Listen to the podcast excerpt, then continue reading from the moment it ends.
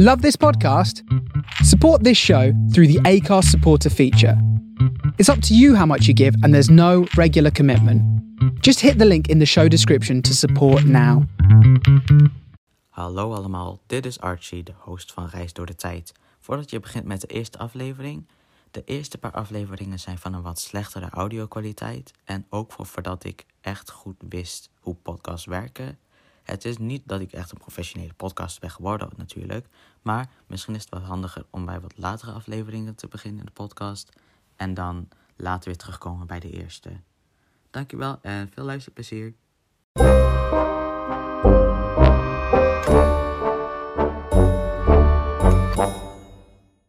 Hallo en welkom bij Reis door de Tijd, waar we het vandaag gaan hebben over Cleopatra. Cleopatra, oftewel de koningin van de Naal. In deze aflevering gaan we dieper graven in het leven van Cleopatra. Hoe was haar leven en hoe wordt Cleopatra door de eeuwen heen gezien? Als dochter van koning Ptolemeus VII was Cleopatra voorbestemd om de laatste koningin van het Macedonische tijdperk te worden, die over Egypte regeerde tussen de dood van Alexander de Grote en de inlijving door Rome. Die lijn was gesticht door Alexander de Grote's generaal Ptolemeus, die de eerste koning van Egypte werd. Cleopatra was van Macedonische afkomst en had weinig of zelfs geen Egyptisch bloed. Er zijn muntportretten van Cleopatra en die tonen een levendig in plaats van een mooi gezicht. Ook had ze een stevige kin en een breed voorhoofd. En, laten we het zeggen, een wat prominente neus. Toen Ptolemeus zevende in 51 voor Christus stierf, ging de troon over op zijn jonge zoon, Ptolemeus de achtste, en zijn dochter Cleopatra de zevende. Cleopatra en haar broertje zijn kort na de dood van hun vader getrouwd. Ja, ze zijn echt getrouwd. De 18-jarige Cleopatra, die ongeveer 8 jaar ouder was dan haar broertje, werd de dominante heerser. Kort daarna, ongeveer 50 voor Christus, werd Cleopatra gedwongen Egypte te ontvluchten voor Syrië, waar ze een leger opvoedde en twee jaar later keerde ze terug om haar broertje onder ogen te komen in Pelusium. Dat ligt aan de oostelijke grens van Egypte. De moord op een Romeinse generaal en daarna de komst van Julius Caesar brachten tijdelijk vrede. Cleopatra besefte dat ze de steun van de Romeinen, of eigenlijk meer van Caesar, nodig had om haar troon terug te winnen. De relatie tussen Cleopatra en Caesar was dat ze beiden vastbesloten waren om de ander te gebruiken.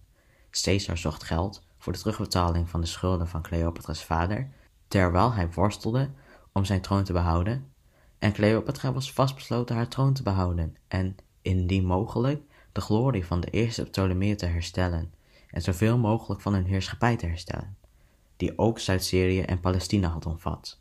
Caesar en Cleopatra werden geliefden en ze brachten de winter belegen door in Alexandrië. In juni in 47 voor Christus werd Ptolemeus Caesar geboren.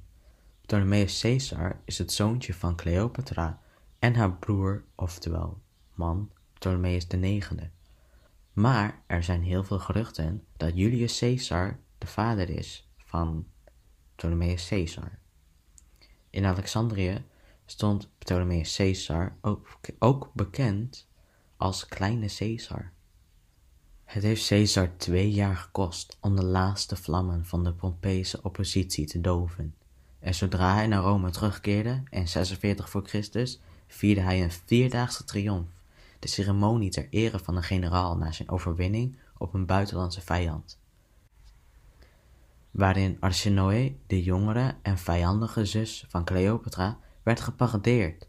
Cleopatra bracht tenminste één staatsbezoek aan Rome, waarin ze werd vergezeld door haar broer en haar man en haar zoontje. Ze werd ondergebracht in Caesars privévilla aan de overkant van de rivier de Tiber en was wellicht aanwezig om getuige te zijn van een inwijding van een gouden beeld van haarzelf in een tempel. Cleopatra was trouwens ook in Rome in 44 voor Christus toen Julius Caesar werd vermoord. Kort na haar terugkeer in Alexandrië in 44 voor Christus stierf Cleopatra's broer, of man, Ptolemeus IX. Cleopatra reageerde nu samen met haar zoontje, Ptolemeus IX, oftewel kleine Caesar. en bij de slag bij Philippi in 42 voor Christus de moordenaars van Caesar werden verjaagd, werd Marcus Antonius de nieuwe erfgenaam van Caesars autoriteit. Of zo leek het eigenlijk, want eigenlijk Caesars achterneef en persoonlijke erfgenaam Octavianus was slechts een ziekelijke jongen. Marcus Antonius, die nu de controleur van de oostelijke gebieden van Rome was, stuurde Cleopatra op pad om haar rol in de nasleep van Caesars moord te verklaren. Ze vertrekt naar Tarsus in Klein-Azië, beladen met cadeaus en geschenken. En nadat ze haar vertrek heeft uitgesteld om de verwachtingen van Marcus Antonius te verhogen, kwam ze de stad binnen door in een schuit de Cydnusrivier op te varen, gekleed in de gewaden van de nieuwe Isis. Marcus Antonius, die zichzelf gelijkstelde met de god Dionysus, was heel erg geïnteresseerd. Hij vergeet zijn vrouw Fulvia gewoon, die in Italië haar best deed om de belangen van haar man te behartigen, tegen een groeiende dreiging van de jonge Octavianus, die eerst nog maar een ziekelijke jongen was en nu een bedreiging is. Dus keerde Marcus Antonius terug naar Alexandrië, waar hij Cleopatra niet behandelde als een beschermde vorst, maar een onafhankelijke monarch. In Alexandrië vormden Cleopatra en Antonius een hele interessante samenleving, waarvan sommige historici dit hebben geïnterpreteerd als een leven van losbandigheid en dwaasheid. En andere historici hebben dit geïnterpreteerd als een leven gewijd aan de cult van de mystieke god Dionysus. En de god Dionysus is de god van de wijn en genot. Ik denk dat we dan allemaal weten wat voor een samenleving dat eigenlijk was. In 40 voor Christus paarde Cleopatra een tweeling, die ze Alexander Helios en Cleopatra Selene noemde. Antonius had Alexandrië al verlaten om terug te keren naar Italië, waar hij gedwongen werd om een tijdelijke nederzetting te sluiten met Octavianus. Als onderdeel van deze nederzetting trouwde hij met Octavianus zijn zus, Octavia. Fulvia was al lang overleden trouwens. Drie jaar later was Antonius ervan overtuigd dat hij en Octavianus nooit meer aan de macht zouden kunnen komen. Zijn huwelijk met Octavia is niet belangrijk meer, dus hij keerde terug naar het oosten voor een hereniging met Cleopatra. Antonius had Cleopatra's financiële steun nodig voor zijn uitgestelde Parthische campagne, en in ruil daarvoor vroeg Cleopatra de terugkeer van een groot deel van het oostelijke rijk van Egypte, waaronder grote delen van Syrië en Libanon en zelfs de rijke balsembossen van Jericho. De, pa de veldtocht, die heel lang uitgesteld was, was een kostbare mislukking, net als de tijdelijke verovering van Armenië. En toch vierde Marcus Antonius in 34 voor Christus een triomfantelijke terugkeer naar Alexandrië. En dit werd gevolgd door een viering die bekend staat als de Schenkingen van Alexandrië. Een menigte kwam naar het gymnasium om Cleopatra en Marcus Antonius te zien zitten op een gouden troon. En op een zilveren troon zaten hun kinderen iets lager naast hen. Antonius riep Caesarion, kleine Caesar, uit tot Caesars zoon. Hij degradeerde Octavianus, die door Caesar als zoon en erfgenaam was geadopteerd. Dus kleine Caesar was de legitieme koning. Cleopatra werd gewezen als de koningin der koningen en Caesarion, klein Caesar, als koning der koningen. Elk van de kinderen kreeg een stuk land. Alexander Helios, een van de tweelingen, kreeg, kreeg Armenië en het grondgebied buiten de Eufraat. Zijn kleine broertje Ptolemeus het land westen daarvan. En zijn zusje, Cleopatra Selene, een van de andere tweelingen, zou de heerser van Cyrene worden. Het was voor Octavianus, die vanuit Rome toekeek, duidelijk dat Marcus Antonius de bedoeling had dat zijn uitgebreide familie de hele beschaafde wereld zou regeren. Er brak een propagandaoorlog uit. Octavianus nam het testament van Marcus Antonius, of wat hij beweerde het testament van Marcus Antonius te zijn, in beslag uit de tempel van de Vestaalse maagden. En hij onthulde aan het Romeinse volk dat Marcus Antonius niet alleen Romeinse bezittingen aan een buitenlandse vrouw had geschonken, maar dat hij van plan was om naast haar in Egypte te worden begraven. Het gerucht verspreidde zich snel dat Marcus Antonius ook van plan was de hoofdstad van Rome naar Alexandrië te verplaatsen. Marcus Antonius en Cleopatra hebben de winter van 32 tot 31 voor Christus in Griekenland doorgebracht. De Romeinse Senaat beroofde Marcus Antonius van zijn toekomstige consulaat voor het volgende jaar en verklaarde toen de oorlog aan Cleopatra. De zeeslag van Actium, waarin Octavianus de gecombineerde krachten van Marcus Antonius en Cleopatra in 31 voor Christus onder ogen zag, was een ramp voor de Egyptenaren. Antonius en Cleopatra vluchtten naar Egypte en Cleopatra trok zich terug in haar mausoleum toen Marcus Antonius zijn laatste strijd ging voeren.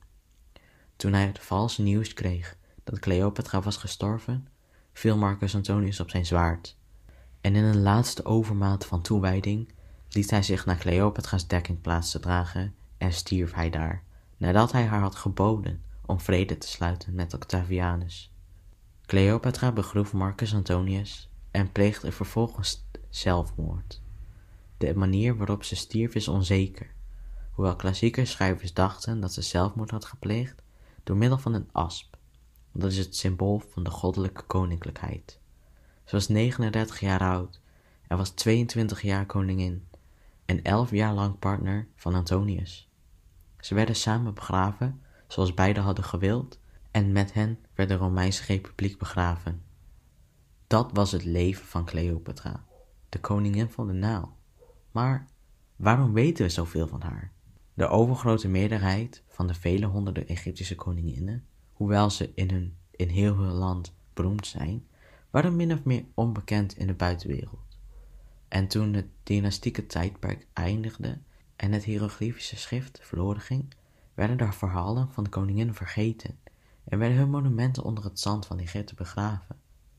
Maar Cleopatra had in een zeer geletterd tijdperk geleefd en haar daden hadden de vorming van het Romeinse Rijk beïnvloed. Haar verhaal kon niet worden vergeten. Octavianus, de toekomstige keizer Augustus, was besloten om de Romeinse geschiedenis vast te leggen op een manier die zijn recht om te regeren bevestigde. Om dit te bereiken publiceerde hij zijn eigen autobiografie en censureerde hij de officiële documenten van Rome. Omdat Cleopatra een grote rol had gespeeld in zijn strijd om de macht, werd haar verhaal als integraal onderdeel van het zijne bewaard, maar het werd teruggebracht tot slechts twee afleveringen: haar relaties met Julius Caesar en Marcus Antonius. Cleopatra, ontdaan van elke politieke geldigheid, moest herinnerd worden als een oneerbare of immorele buitenlandse vrouw die rechtvaardige Romeinse mannen verleidde.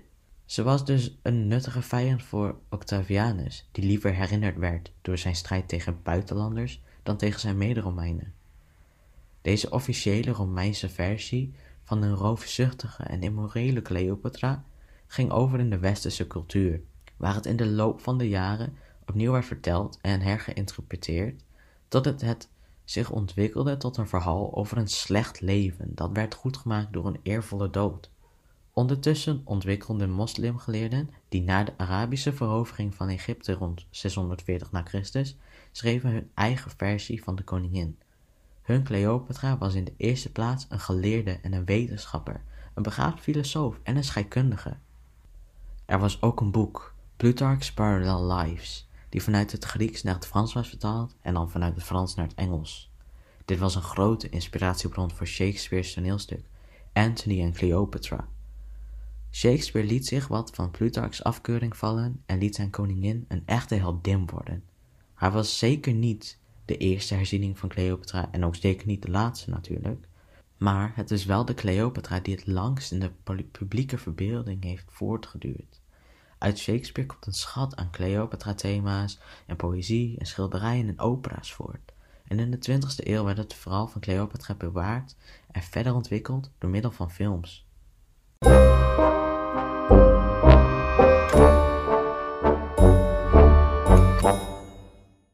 Cleopatra. Ze werd koningin bij de dood van haar vader en regeerde achtereenvolgens met haar twee broers en daarna met haar zoontje. Nadat de Romeinse legers van Octavianus, de toekomstige keizer Augustus, hun gezamenlijke krachten hadden verslagen, pleegden Antonius en Cleopatra zelfmoord en viel Egypte onder de Romeinse overheersing. Cleopatra beïnvloedde de Romeinse politiek actief in een cruciale periode en zij kwam, zoals geen enkele andere vrouw uit de oudheid, het prototype van de romantische femme fatale vertegenwoordigen. Dankjewel allemaal voor het luisteren en hoewel het eigenlijk voor mijn portfolio is, vind ik het eigenlijk ook wel leuk dat er mensen ook echt luisteren. Dus als jullie reviews willen achterlaten en deze podcast willen delen, zou me dit heel erg helpen. En uh, tot volgende week.